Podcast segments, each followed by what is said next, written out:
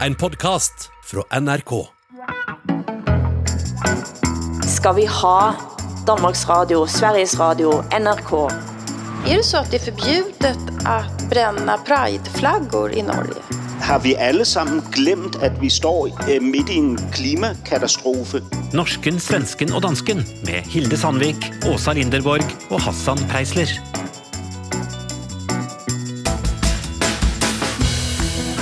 Velkommen til ukens panskandinaviske familieterapi i en uke hvor det gråtes både her og der. Men som på terapirummen i alle fall jeg har været innom, vi må varme op lidt først. Eh, Åsa, eh, du var i Kristiansand for at snakke om kongehusene, men det kom jo en nok så stor nyhed fra London, for at sige det forsigtigt.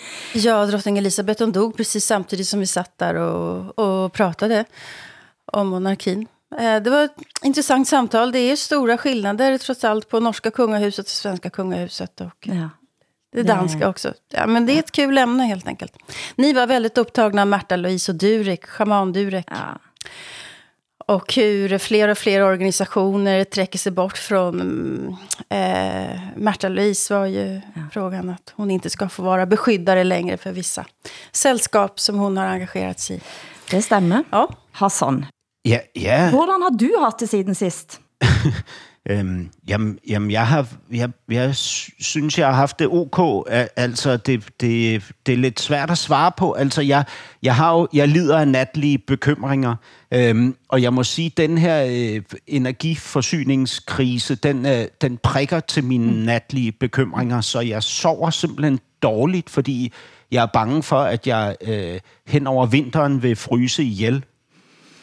Oh, den, jeg kender at eh, vi skal komme tilbage masse ut over høsten til energien. Um, Hur har du haft det, Hilde, då, sen sist? altså, jeg har jo stort set været i Sverige, jeg mentalt. Ja. Jeg har bare snakket og tænkt eh, på, på, på valget i Sverige. Og, jeg må jo indrømme, at jeg synes det er forfærdelig interessant. Ja. Men eh, først en liten personalsak fra det danske valgkampen.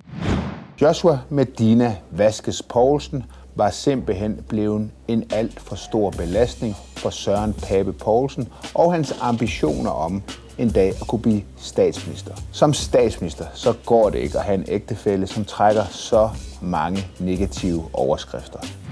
Søren Pape Hassan, hvem Ja. er det og hvad har skjedd?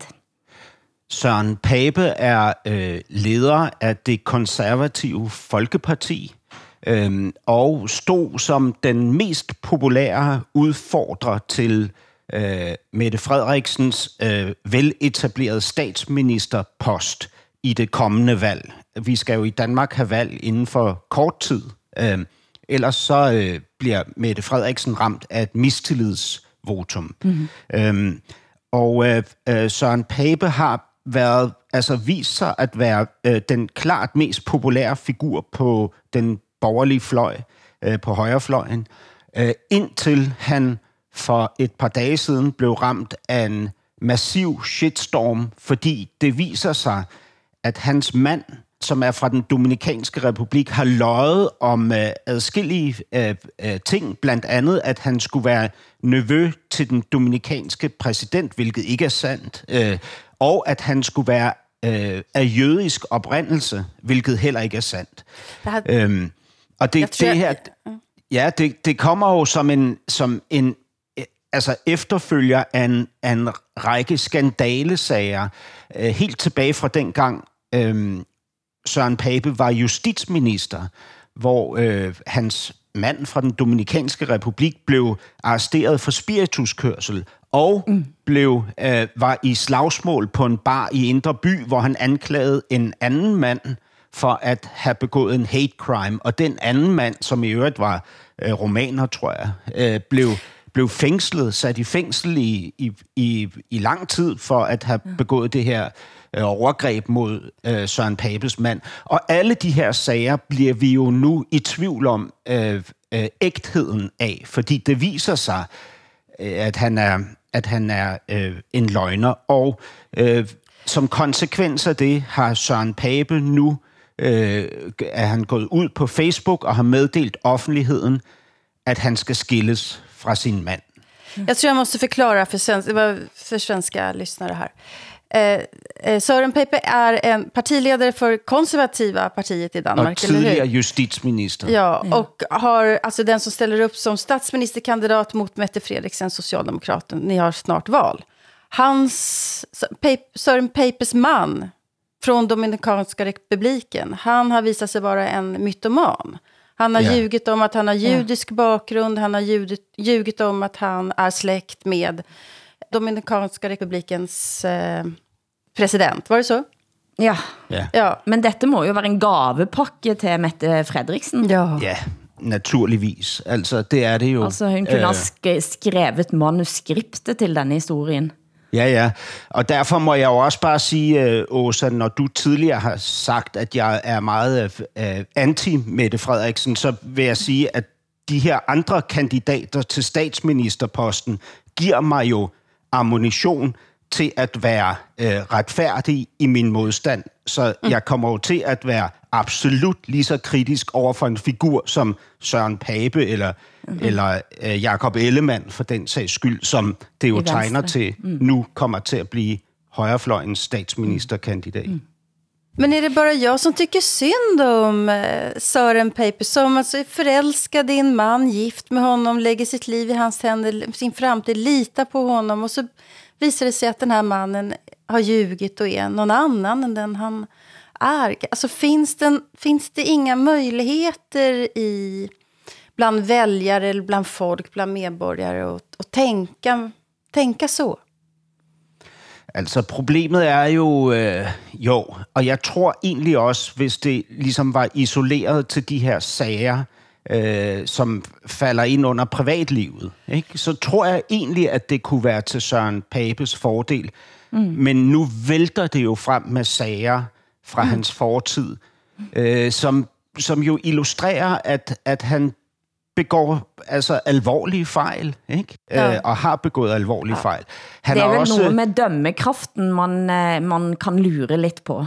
Ja, lige præcis. Altså, han har også sagt ja til en lejelejlighed, øh, som, han, som det nu øh, tyder på, eller ser ud som om, han har fået, øh, fordi han har tildelt nogle privilegier, dengang han var borgmester. Ikke? Okay. Så det ligner jo sådan nogle, hvad kan man sige, det ligner jo øh, nepotisme, ko- semi-korruptionsskandaler, han Okay. ligesom har været involveret i. Ja, ja, ja. Han hade gjort bort sig förr eller senare i alla fall, förmodligen. Då. Og han har påkaldt sig mediernes opmærksomhed, og det betyder jo, mm. at de nu graver og graver og graver. Ja, ja, gud ja. Ja.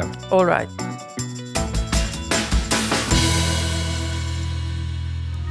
Ja, Sverigedemokraterne er gået fra protestparti og paria til nu at være en ægte magtfaktor. Men hvad betyder det for svenskernes selvopfattelse, at et parti, der har været stemplet som racistisk og beskidt, nu er landets næststørste? Åsa, kan du give en kort status, så vi også får med os halvinteresserte danske og norske lyttere på så, hvad som sker i Sverige nå? Det som sker är att eh, eh, vi, har fått, vi kommer få en ny regering. Att det är ett, eh, ett eh, ja, vad ska man kalla det för, ett eh, nationalkonservativt block som tar över. Och det är klart att det har ju Sverige aldrig varit med om förut. Och Sverigedemokraterna är inne i värmen, ska utgöra... Det är de som kommer att hålla i... Alltså all, politiken kommer att dirigeras av dem. De blev näst största parti, 20 procent, 20, 20 procent. Och det är klart att det här är, det skakar ju om Sverige, skakar om socialdemokratin också. På, jag tror, alltså under 90 års tid så har Socialdemokraterna varit i opposition i 15 år bara, tror jag. Det er kanskje på tide? ja. Jo, nej, ni vet ju var mitt hjärta ligger någonstans. Det ligger inte i den här regeringen som, som kommer nu. Jag, jag hoppas ju naturligtvis att, att, att, eh, det ska gå bättre än vad alla tror. Men eh, eh, ja, nej, det är, det är rätt omskakande. Samtidigt så kan jag bli lite provocerad också, alla som säger att det finns ett Sverige före och efter det här valresultatet. Sverige har förändrats ganska kraftigt under 30 års tid på grund av en massa olika saker. Eh, och det är inte, inte bara invandrarnas fel, det är inte bara Sverigedemokraternas fel, det är inte bara PK-elitens fel, utan det finns ju stora strukturella förklaringar till det här. Men altså, vi må snakke lidt om sorgen, for nu læser jeg altså overalt om folk, som har gått ut i skogen og lagt sig ned på bakken og grått. Uh, sorgen pipler ut overalt. Jeg læste i forkant av valget at Jan Guillaume, for eksempel, denne forfatteren, som skriver at nå eh, kanskje han må flygte, og så finder han ut at eh, den eneste sted han kan rejse til er at, at leve med en, eh, i en hytte med en norsk fjord. Eh, det, og, og, og det overvældes av, av, av ganske stor emotionalitet. Hvordan forklarer du det? Jag måste ju först ställa frågan, alltså är ni i Norge beredda att ta emot alla oss nu som vill fly till er? Det, det där tror jag kommer bli en stor fråga för er. Det kommer välla svenskar över den norska gränsen. Välkommen, eh, välkommen. Det är många som gråter och eh, nu tycker jag inte att Jan Guillou är något bra exempel på det. Därför att Guillou tycker jag har haft en ganska bra blick för vad som har hänt i Sverige under de här väldigt många åren som har gått. Eh, men däremot så är det många som gråter som aldrig kunnat erkänna att Sverige haft något problem. De har bara tyckt att allt är så bra och allt är så fantastiskt och utvecklingen går åt rätt håll. Och eh, noll förmåga eh, att liksom se Sverige i dess helhet eller mm idka någon form av självkritik eller kanske se sina egna rätt eh, lyxiga privilegier i förhållande till hur många andra har. Och när de gråter så kan jag bli lite, vad ska jag säga, lite trött eller irriterad eller ibland förbannad ena sekunden. Eh, man är väldigt närsynt skulle jag säga, väldigt många människor. Och det som är intressant, det som är intressant tycker jag, det är att Sverigedemokraterna, de är största parti bland arbetare, största bland, mm. parti bland företagare, bland lantbrukare, bönder. Men de har vunnit hela landsbygden där det inte bor några, inte särskilt många invandrare heller. Därför att Sverige har andra problem som de har lyckats liksom vinna på. Att landsbygden inte fungerar. Alltså, var fjärde man eh, läste jag. Var fjärde man stämte Sverigedemokraterna. Ja, och de växte bland kvinnor och de växte bland invandrare också. Så de har, de har växt över hela linjen. Mm. Och jag tror att vi kommer att få siffror på att de har växt bland akademiker också. Mm. Mm. Hassan, vad tänker du? Ja, altså, øh, vi har jo talt om det før, men altså den her, det her billede af Sverige som sådan et Astrid Lindgren-land, det er mm. jo er udelukkende et billede, som nogle, måske mange svensker har været i stand til at bibeholde. Altså os, der har stået og kigget på Sverige udefra, har jo for længst mistet øh, det, det image, ikke? Men, men samtidig så er det jo, altså det er jo sorgfuldt med transformationer, fordi man slipper jo man slipper jo, hvad kan man sige, håbet eller drømmen om, at tingene kan blive, som de var engang. Mm. Ikke? Øh, og, og nostalgien er jo en intens følelse, jeg synes, det er sådan en nostalgisk følelse, fordi jeg husker jo det der Sverige fra min barndom. Mm. Altså, men samtidig så siger jeg jo, som du siger, Åsa, at det er jo gennem de sidste årtier, at Sverige har forandret sig. Mm. Det er bare først nu, at det ligesom sker officielt. Ikke? Og det, det er jo den egentlige transformation som jag ser det. Ikke? Alltså jag, ja, jag är inte så säker på att, att det är bara nostalgi i det här. Och jag tänker den här idén om att ni tror, att vi i Sverige tror att Sverige har varit ett Astrid Lindgren-land fram tills nu. Det stämmer ju inte riktigt, för att Astrid Lindgren hon skildrar ett gammalt bondesamhälle. Mm. Det var nostalgi även när jag var barn. Mm. Hon har aldrig skildrat välfärdsstaten. Eh, det är ju den som har, inte fungerar längre så som den gjorde förut. Eh, det är stora problem med eh, socialförsäkringar, med vården. Om man vill ha någonting så måste man köpa sig det privat. Man måste ha pengar för att köpa en egen lägenhet och så vidare. Allting har privatiserats. Eh, och, och det gör att många fall... Att, att vi drar isär helt enkelt. De som har pengar och de som inte har. De som är utbildade, de som inte är det. De som bor på landet, de som bor i städerna och så vidare. Det är Yeah. Det är enorma skillnader faktiskt. Och, yeah. och det har pågått men, länge. Men så vil jeg også sige, det er, det er jo en, altså, det er jo en komplet spejling af Danmark for nogle årtier siden. Ikke? Det, ja. Altså også at, også at Jan Guillou stiller sig op og, og er polemisk. Ikke? Altså, det minder jo om det, det Carsten Jensen... Ja. ja, det minder jo om det, som Carsten Jensen ligesom øh, proklamerede på det tidspunkt, mm. hvor Dansk Folkeparti kom til. Ikke? Mm. Øh, altså, det, det, er jo, det er jo ligesom, hvad kan man sige, den samme jeg, jeg synes, det virker som en infantil desperation, ikke? Fordi altså det, det er jo en betingelse ved at bo i et land, ikke? Det er, at flertallet øh, udtrykker sig i, øh, altså på, på demokratisk vis, ikke? Øh, og, og det flertal, der udtrykker sig, må da interessere os afsindig meget. Vi kan jo ikke bare fordømmende vende ryggen og sige, øh, at, at det, som Carsten Jensen sagde om, om højrefløjen, at det er kældermennesker. Ikke? Altså, Men der det, er, det der er en forskel. Der er, det som jeg tænker er en forskel, og jeg satt faktisk i både NRK og TV2-studio hele denne valgkvelden og fik ind tal hele tiden. Og det som blir så tydelig, at den splittelsen som er i Sverige, den er større end nogen anden splittelse jeg har sett i Skandinavia. Mm. Og det er det jeg känner uro for. Eh, når folk går og gråter på den ene siden og hylles eh, på den andre siden. Eh, når man får udtryk som at en SD-politiker på valgkvelden, selv om man er full, snuble ind i at sige hell seger, mm. som egentlig er Sig Heil eh, på mm. svensk, eh, og ta sig i det, og, og det blir selvfølgelig en stor diskussion. Det siger nogen ting om at ytterfløjene er drar fra hverandre. Eh, og på den ene ytterfløjen har man Sverigedemokraterne og enda, eh, altså partier enda længere til højre, som, som blev fuldstændig pulveriseret. Men på den andre fløjen, så har man da for eksempel et nystartet politisk eh, parti, som trolig har kapret mange vælgere eh, eh, på den måten, at man kan lure på om det var der venstresiden tabte, nemlig altså på eh, partiet Nyans, som på mange måter spejler Sverigedemokraterne. Partiet blir ledet av Mikael Yüksel, som blev ekskluderet fra partiet Centeren for sin forbindelse med tyrkiske ultranationalistiske organisationen De Grå Ulvene, De Grå Vargarna, med tætte bånd til Erdogan. Nyans er et radikalt islamistisk identitetspolitisk parti, kan en sige, med uttalt antisemitistisk, homofobt og kvindefientlig agenda. De vil ha blasfemiforbud, forbud mot at brænde Koran blandt andet, og de gjorde det stort i forstedene, der det bor mest indvandrere. Hvad er de vigtigaste frågorna för partiet Nyans?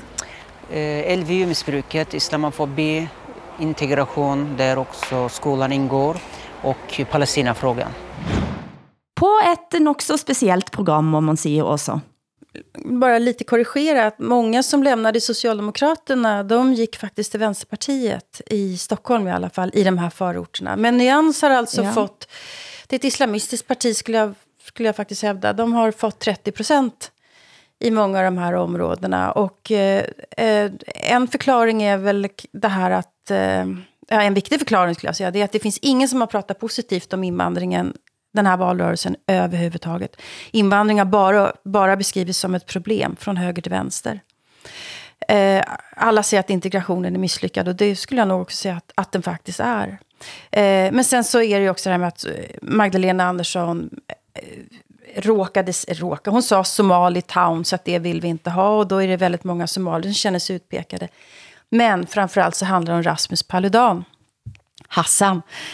Eh, den här dansken som kommer över och, och ställer till problem här. Och det, då vill ju alltså då Nyans ha gått till val på bland annat att det ska vara förbjudet att bränna Koranen.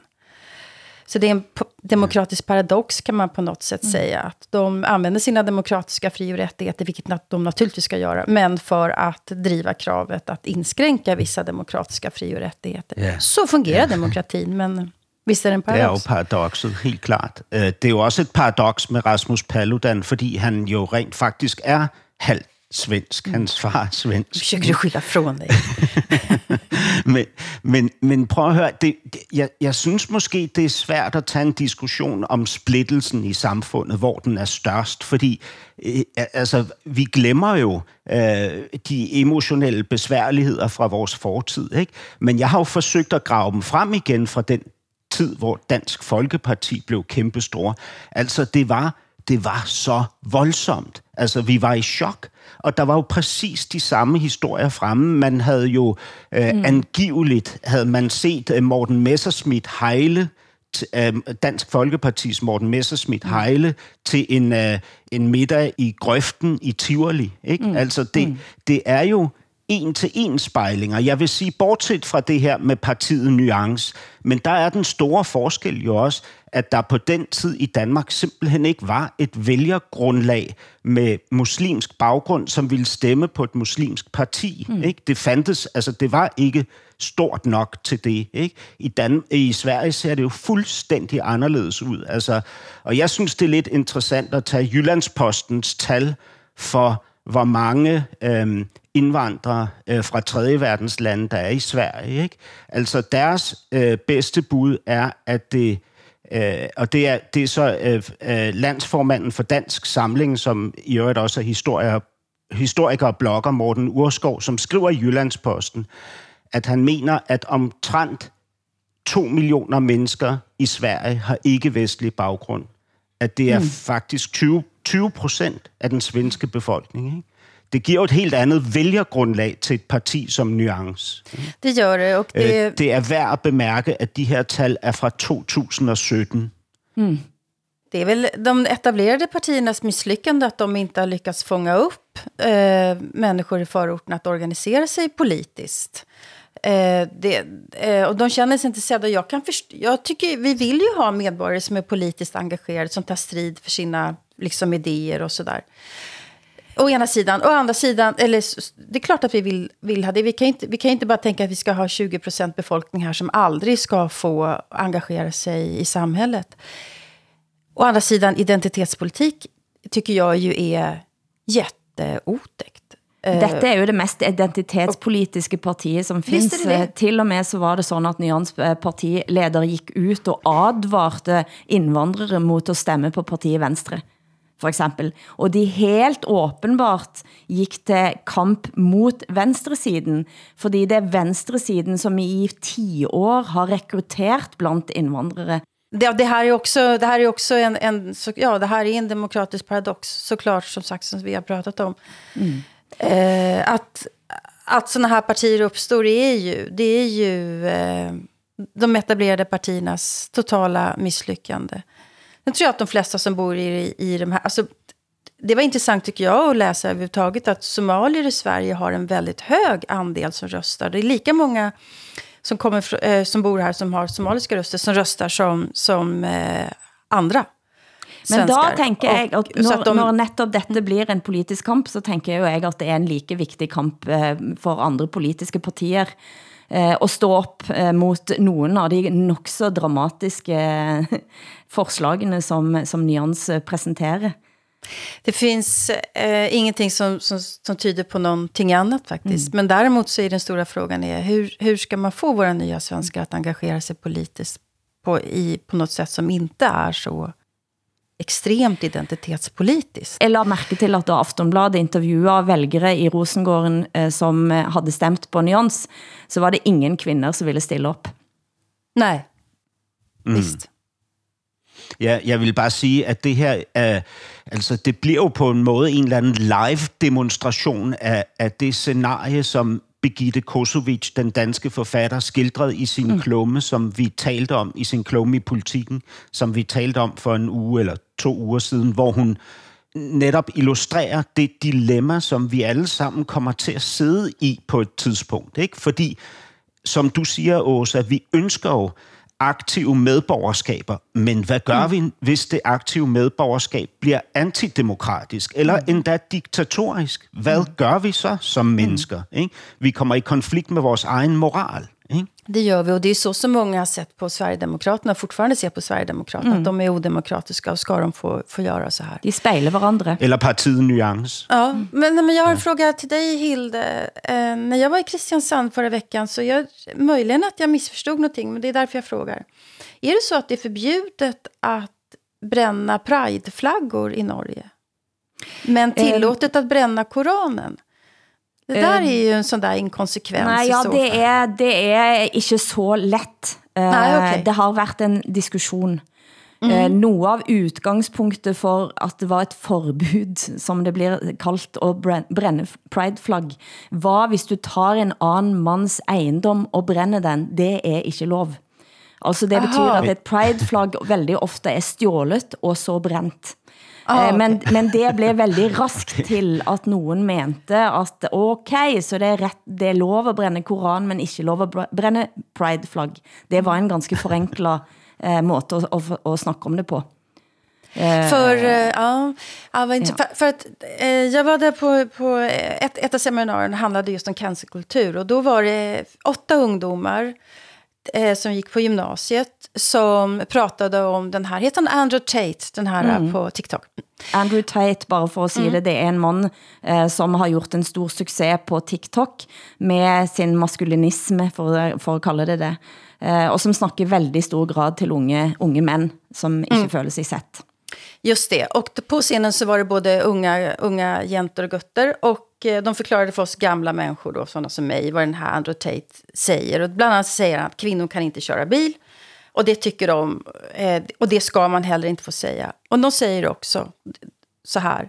Eh, varför ska man få bränna Koranen om man inte får bränna Prideflaggan? Och deras slutsats var då, den här unga generationen, att det borde vara förbjudet att bränna både Prideflaggan Mm. och Koranen. Istället för att tänka tvärtom. Eh, det ska vara rätt att, att bränna både Pride och Koran. Eller. Ja. eller Karl Marx kapitalet, Bibeln, vad man nu vill. Bränna upp. Ja.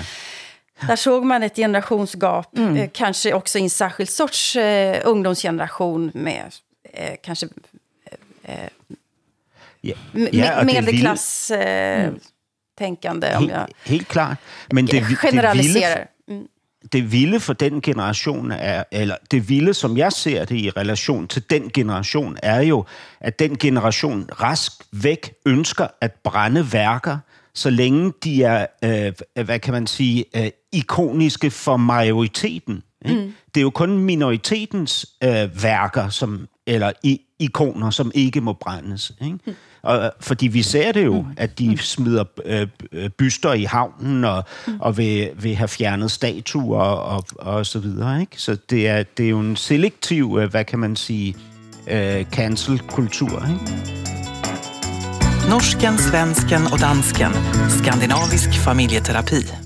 Norway is profiting embarrassing from war in Europe, skriver eh, The Economist eh, denne uken, altså som mener at Norge profiterer på krigen med veldig høje gaspriser, og, og eh, at vi selvfølgelig nå eksporterer alt det remmer og tøy kan holde. Jeg vil gerne udfordre dere. Hvad tænker dere at Norge bør gøre?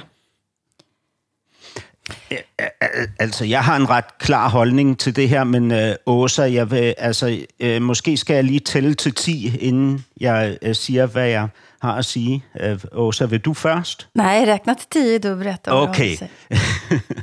Jamen altså, hør her, det, det er jo skandaløst, det her. Altså, prøv at høre. I, i Norge, altså Norge kommer... I, i, i 2022 solgte øh, Norge olie og gas for 1 billion kroner, svarende til 200.000 danske kroner per indbygger. Og oliefondens værdi er nu på 9 billioner kroner. Ikke?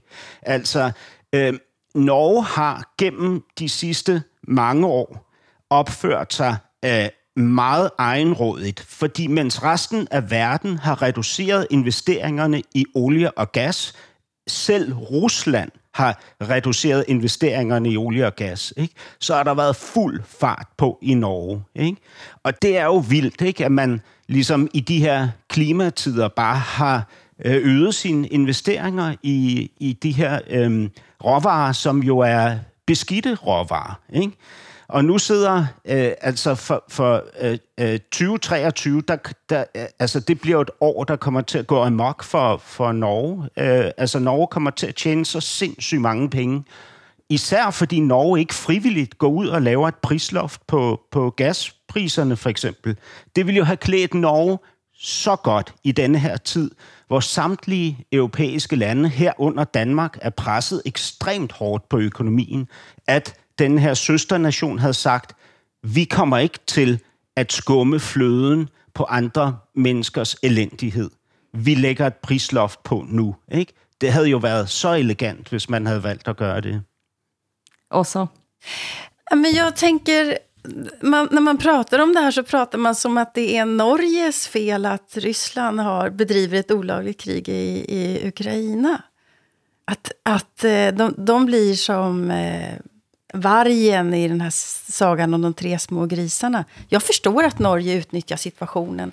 Jag förstår att Norge tycker att andra länder borde ha skött sin energipolitik på ett annat sätt. Och, och här, kom, här kommer vi med en gas som i alla fall inte, i alla fall inte är, är behäftad med krig.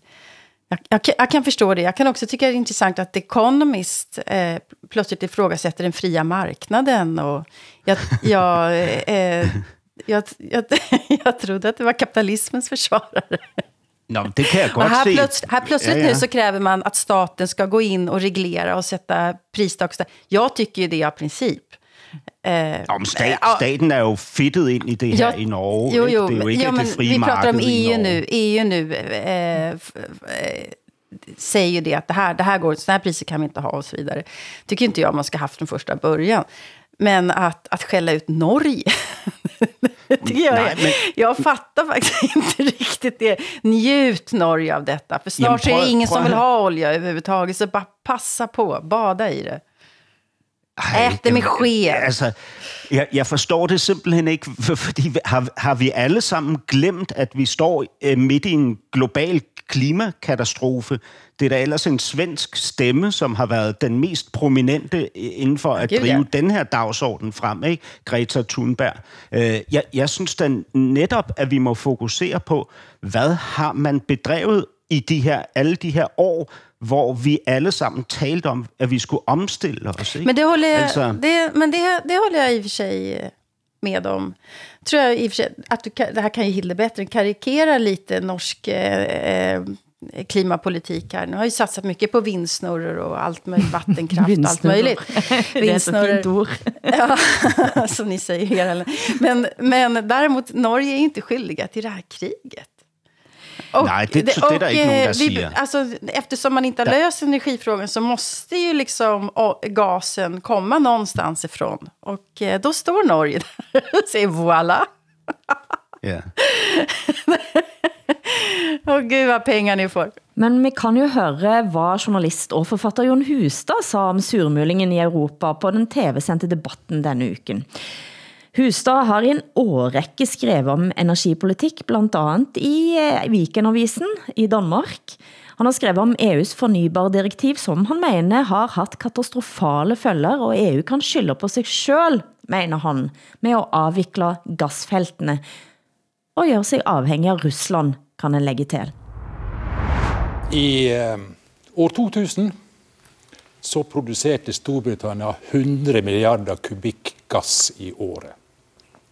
Norge produserer i år 122 milliarder. I fjor produserte Storbritannia 32 milliarder kubikkmeter. En nedgang fra 100 til 32. Eh, og sådan gik han da videre for at se, hvordan eh, resten av Europa har reduceret og reduceret og reduceret. Eh, mens eh, Norge har eh, fortsat at producere.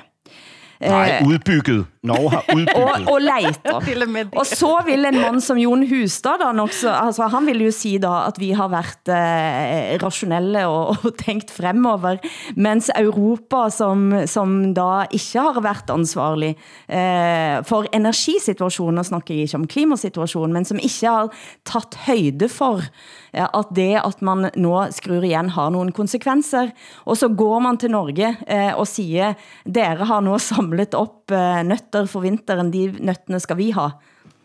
Jag tycker inte Norge ska skämmas så himla mycket för sin, för sin gasolja under, ett sånt där, under en sån här krigssituation. Så eh, då är jag glad att ni har samlat på er det där.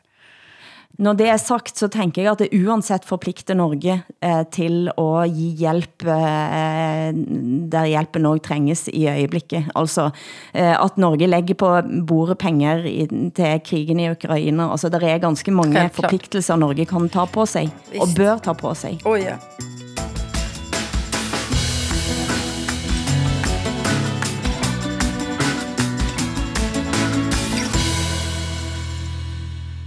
Men hvem skal give penger til kulturen? Vi har været innom det før. Partileder av det ferske partiet Danmarks Demokraterne, nemlig Inger Støjberg, vil nå frata kunstnere, stats, enkelte kunstnere i hvert fall, statsstøtten.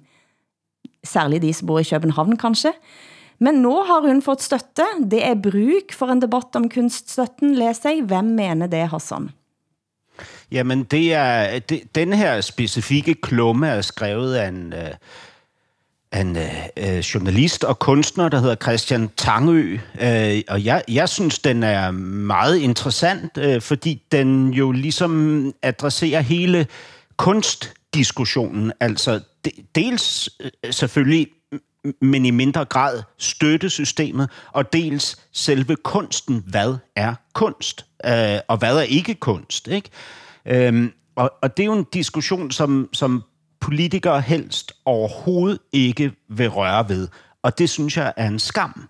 Øh, og jeg synes, det er især en skam, fordi det øh, bliver øh, specifikke politikere, som så tager hele den kunstneriske dagsorden, som Inger Støjberg for eksempel har gjort det, ved at nævne specifikke danske kunstnere, som ikke bør have deres livslange kunstydelse, fordi man bør i stedet for øh, opskalere øh, bidraget til folk, som har brug for at køre langt i deres biler, og som skal have et skattefradrag på grund af det. Ikke?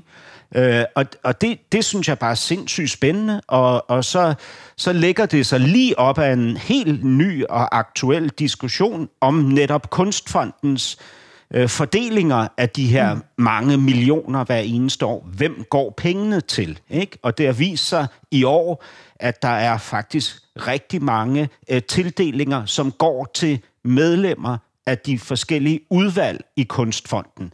Det vil jo sige, at der sidder mennesker i nogle udvalg og deler penge ud til sig selv. Ikke? Der er vist nok en regel om, at man skal gå uden for døren, mens ens egen sag bliver behandlet. Men man kan så træde ind igen umiddelbart efter at få at vide, ja, du fik øh, 1,2 million kroner til dit teaterprojekt, for eksempel. Tillykke med det. Ikke? Øhm, det er jo øh, altså det er jo bare et forstyrrende kunststøttesystem efter min mening. Men hvordan, hvordan skulle det have fungeret? Fordi det er jo en uh, tilsvarende debatt uh, som vi har i Norge om dagen, yeah. der, der en blandt andet søn til Odd Nerdrum, har, Øde Nerdrum, har gått ut og sagt at, at vanlige folk bør sitte i disse fondene og dele ut penger til kunsten. Ja, altså, jeg har bemærket diskussionen i Norge, og den foregår på et langt højere niveau. I Norge, der diskuterer I, hvad kan man sige, åbenheden mm. i argumentationen for, hvem der får og ikke får. Altså, at det skal fremlægges for offentligheden, hvilke beslutninger, der er blevet truffet om tildeling af kunststøtte. Mm. Ikke? Der er vi jo slet ikke i Danmark. Altså, der er ikke engang nogen, der har krævet at få indblik i, hvem der får og ikke får penge, og på hvilket grundlag. Øhm, så, så vi kan kigge mod Norge og få lagt nogle processer frem øh, i offentligheden, så vi kan se på, hvem der får penge af hvem, på hvilket mm. grundlag. Ikke? Det kunne mm. være det, det interessante. Jeg ja, men mener betyder ikke, at, det, at kan... ingen, ingen vet, uh, altså er ingenting av dette kendt uh, i Danmark? Altså, har ni, ja, har ni ingen Nej. transparens alls, hvem som skal få Al, jo, kon, altså, jo, stöd altså, från konstnärsnämnden? Jo, du kan se, hvem der får pengene, men du kan ikke se, hvorfor og hvorfor ikke. Altså, mm. der er ikke et begrundet der er ikke et begrundet... Øh, øh, jo, altså, når, når du får et stort legat, så står der noget med, at du som kunstner har bedrevet sådan og sådan mm. gennem årene, og derfor er, er det på tide, at du får øh, det, de tre år, eller den, den, livslange, øh, den livslange støtte. Ikke? Men til projekterne er der ikke nogen specifik argumentation for, hvorfor øh, mm. du skal have de her penge. Ikke? Øhm, men, men jeg synes, det er, det er mere øh, interessant, øh, det her, du taler om, Hilde, nu, med hvem der skal tildele de her penge. Mm. Ikke? Fordi det er jo problematisk, at det er os selv, som træder, kunstnerne selv, som træder ind i et udvalg, samtidig med, at vi praktiserer vores kunst derude, og så træder ud i en branche igen efterfølgende, ikke? hvor vi er afhængige af vores netværk for at blive ansat. Ikke? Øhm, og, og, og derfor så, så er der jo nogle forskere, nogle eksperter, som i Danmark har foreslået, at man har nogle fagkyndige, professionelle konsulenter, som forstår fagene, de kunstneriske fag, mm. men samtidig ikke er afhængig af øh, ansættelser og, og venskaber og så videre inden for øh, branchen. Ikke? Og det synes jeg, man kunne kigge på, om det vil være en løsning. Absolut, men det är också ganska svårt att hitta några som är avhängiga experter som inte har sina kotterier och nätverk. Mm. Så, det är så små länder, det är så små eh, kulturbranscher som, som vi har. Jag tycker att det här är intressant. Jag tycker att det är också viktigt. Det är klart att man måste ifrågasätta alla, alla stöttesystem, alla bidragssystem, alla stipendiesystem.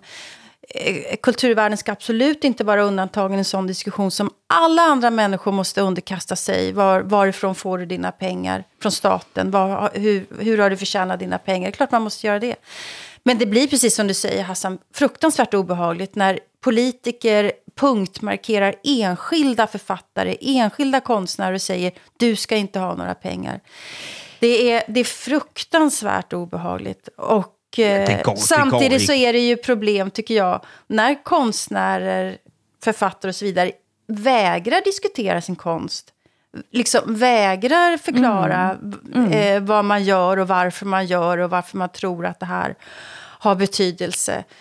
Eh, så det är två vägar här tycker jag som är Fuldstændig ja. enig, Åsa, for på den ene siden så står der folk der rede til at sige, at samtlige kunstnere bør fratas alle penger, fordi de, de, de har ingenting med, med mitt liv ja, at, de at gøre. Dårlige. Ja. Og på den andre siden så har vi da for eksempel leder av den regeringsopnævnte Ytringsfrihetskommissionen i Norge, som nylig la frem sin slutrapport. Eh, og denne uken var kommissionsleder Kjersti Løken Stavrum på NRK's Nyhedsmorgen og trak frem netop den dårlige uenighetskulturen i kunstmiljøet. De tilbakemeldingene vi har fått tyder på at det er en svak uenighetskultur, og at det er lav takhøyde for kritisk diskusjon innad i, i kunstmiljøet. Miljøene er ofte små, der, eh, der de som tildeler penger og de som søker, de kjenner hverandre ofte. At du ikke rett og slett har lyst til å legge deg ut med den personen som du vet at skal behandle søknad om stipend uka etter. Så tror jeg det er i Sverige også.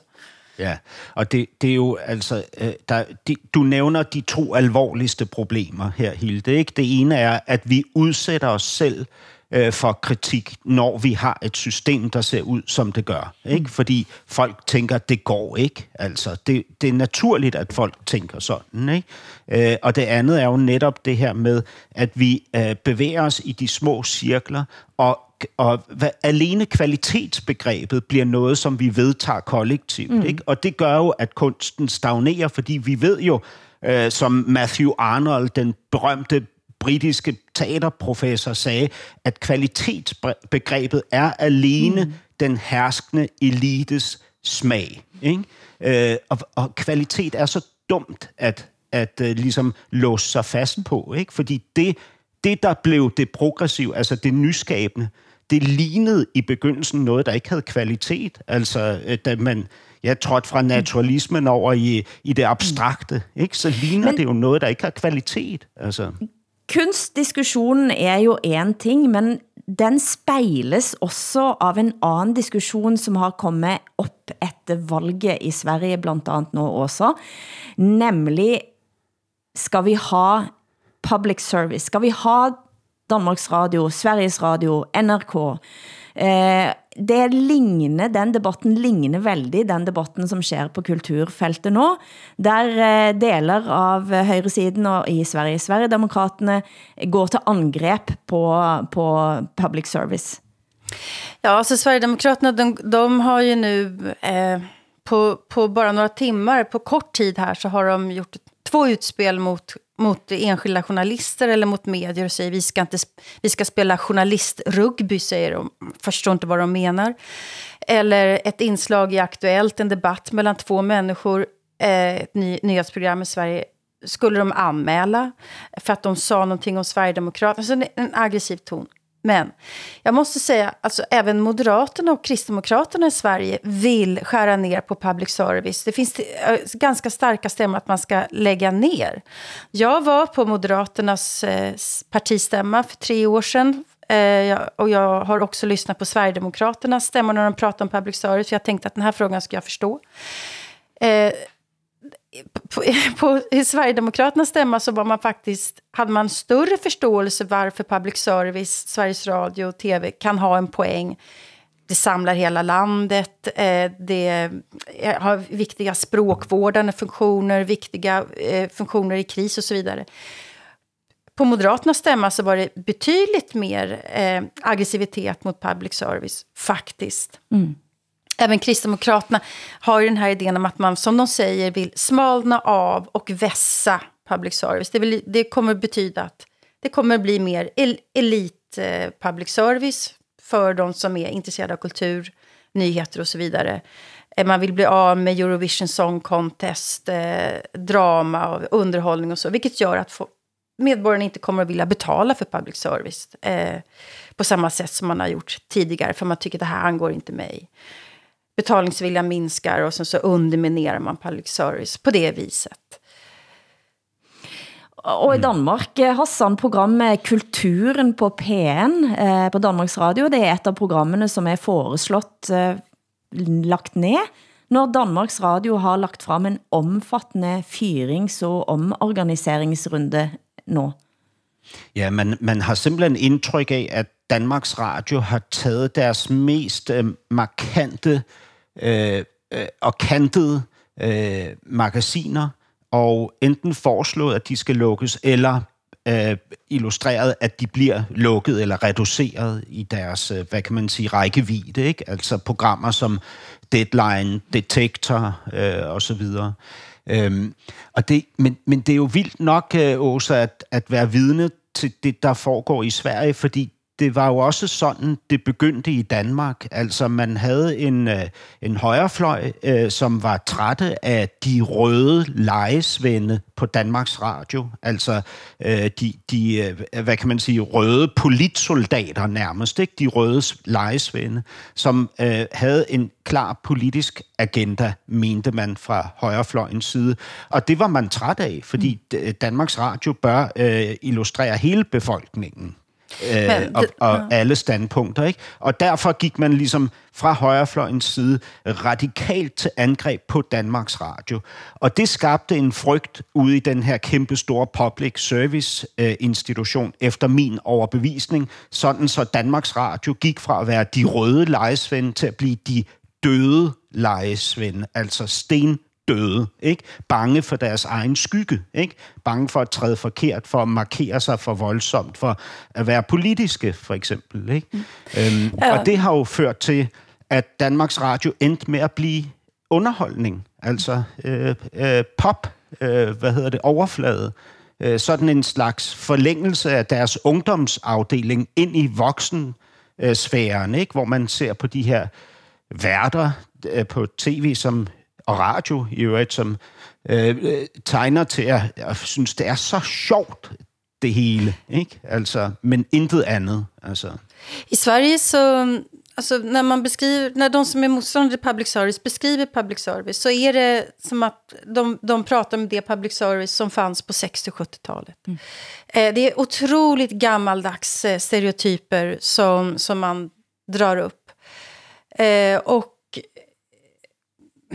Eh, och samtidigt så, så är det ju så att public service fångar ju liksom den tidsanda eller den, den ideologiska hegemoni som finns i ett land. Och i Sverige så har det ju varit, det ser vi ju liksom på, på hur Kulturrådet har delat ut sina pengar. Kulturpolitiken har varit den har varit så kallad PK. Politiskt korrekt. Vi hade, vi hade samma politiskt korrekta kulturpolitik under de åtta borgerliga eh, åren eh, innan den här regeringen.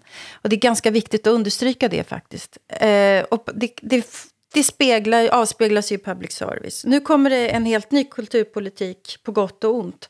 Jag minns när ni skar ner eh, radion i, i Danmark. Eh, stora nedskärningar och det skrevs om det, eller pratades om det som politiska utrensningar, vilket du väl egentligen bekräftar, Hassan. Jag tror, kommer ihåg att vi, jag skrev många texter om det själv. Jag kommer ihåg att vi i, Dan, i Sverige tänkte att Danmark är på väg att bli ett nytt Ungern och så vidare. Och det var väl en överdrift det också. Men dansk radio är ju någonting annat än, än norsk och framförallt svensk radio. Det är mer underhållning, mer eh, mindre seriöst skulle jag säga när jag lyssnar på dansk radio.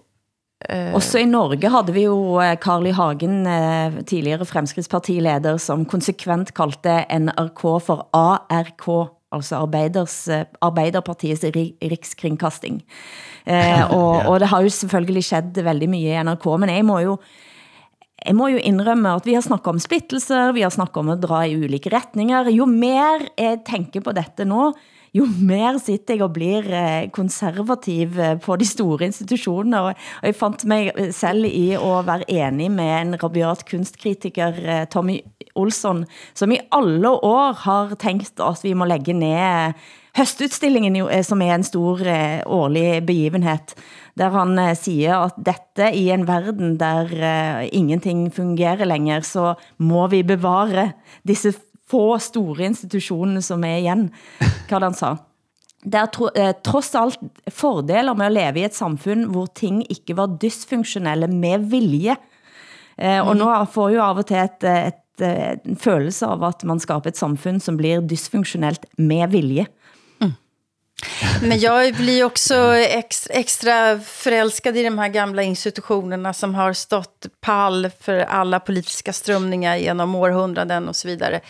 Samtidigt så, så tycker jag ju att det är ett problem att i Sverige i alla fall så går nästan alla kulturpengar går via mm. staten. Vi har inte det, privata ja. stiftelser och aktörer som ni har i Norge och Danmark. Och, och det är ett problem faktiskt, därför att då blir man som kulturarbetare väldigt trendkänslig för vad staten vill att man ska göra för sorts konst.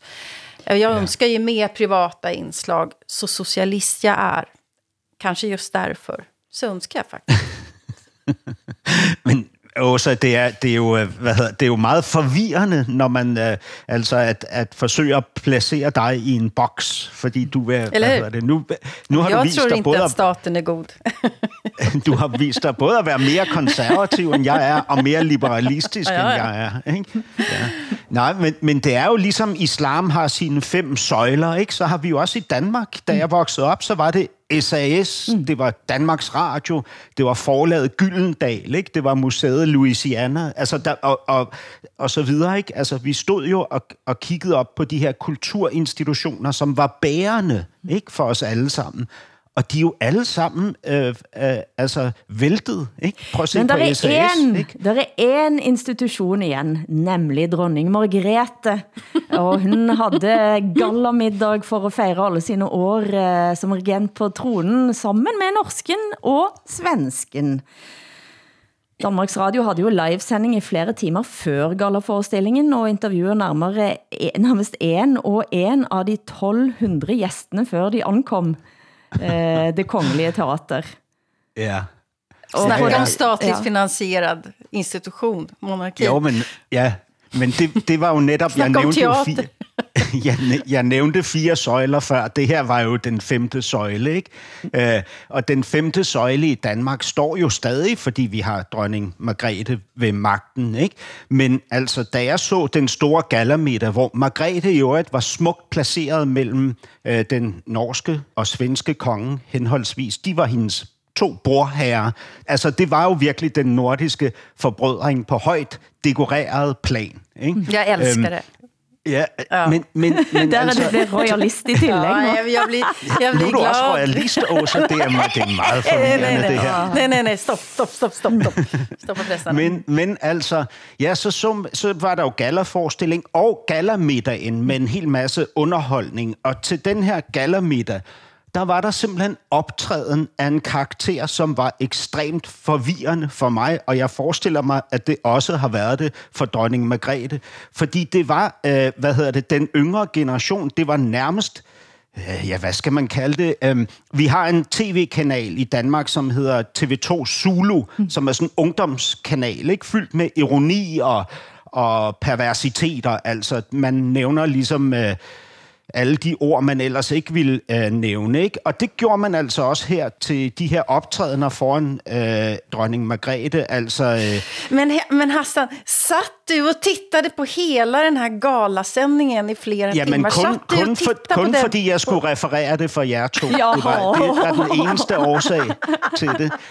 Men, men man så jo her uh, generationskonflikten, fordi kronprins Frederik og hans hustru uh, Mary, de sad ligesom og morede sig. De grinede højt til alt den her underholdning, mens dronning Margrethe sad og så mest af alt lidt uforstående ud i forhold til det, der gik. Ikke? Og der tænkte jeg, okay, den sidste pille i vores samfund, ud over SAS og Danmarks Radio, kongehuset, er også under forandring. Ikke? Og så kan det være, at vi i fremtiden må stille os selv de samme spørgsmål, som vi gør nu i forhold til de andre institutioner. Giver det nogen øh, er der nogen berettigelse? Skal vi beholde de her gamle piller, hvis de øh, bliver så øh, øh, tidstypiske, at de nærmest flyver med vinden? Der er godt nok sket meget, og hun er vokset i tyngde og statur og har udviklet sig til at blive et øh, samlingspunkt. Et sjældent samlingspunkt, der jeg tror faktisk ikke, der er andre mennesker, vi kan nævne i Danmark i dag, der er i stand til at samle så bredt og have en så, kan man sige, fuldtonet bred opbakning. Det er ret unikt. Det blir sidste ord fra oss i ukens eh, Norsken, Svensken og Dansken. Producent har været Eskil Paus, tekniker Hans Christian Heide, i redaktionen Henrik Hylland Ulving. Tak til Hassan Preisler i København, Åsa Linderborg i Stockholm, jeg heter Hilde Sandvik. I Bergen, programmet er produceret av både og for NRK, SR, DR, der redaktør for programmet er Ole Jan Larsen, og vi høres igen om en uke.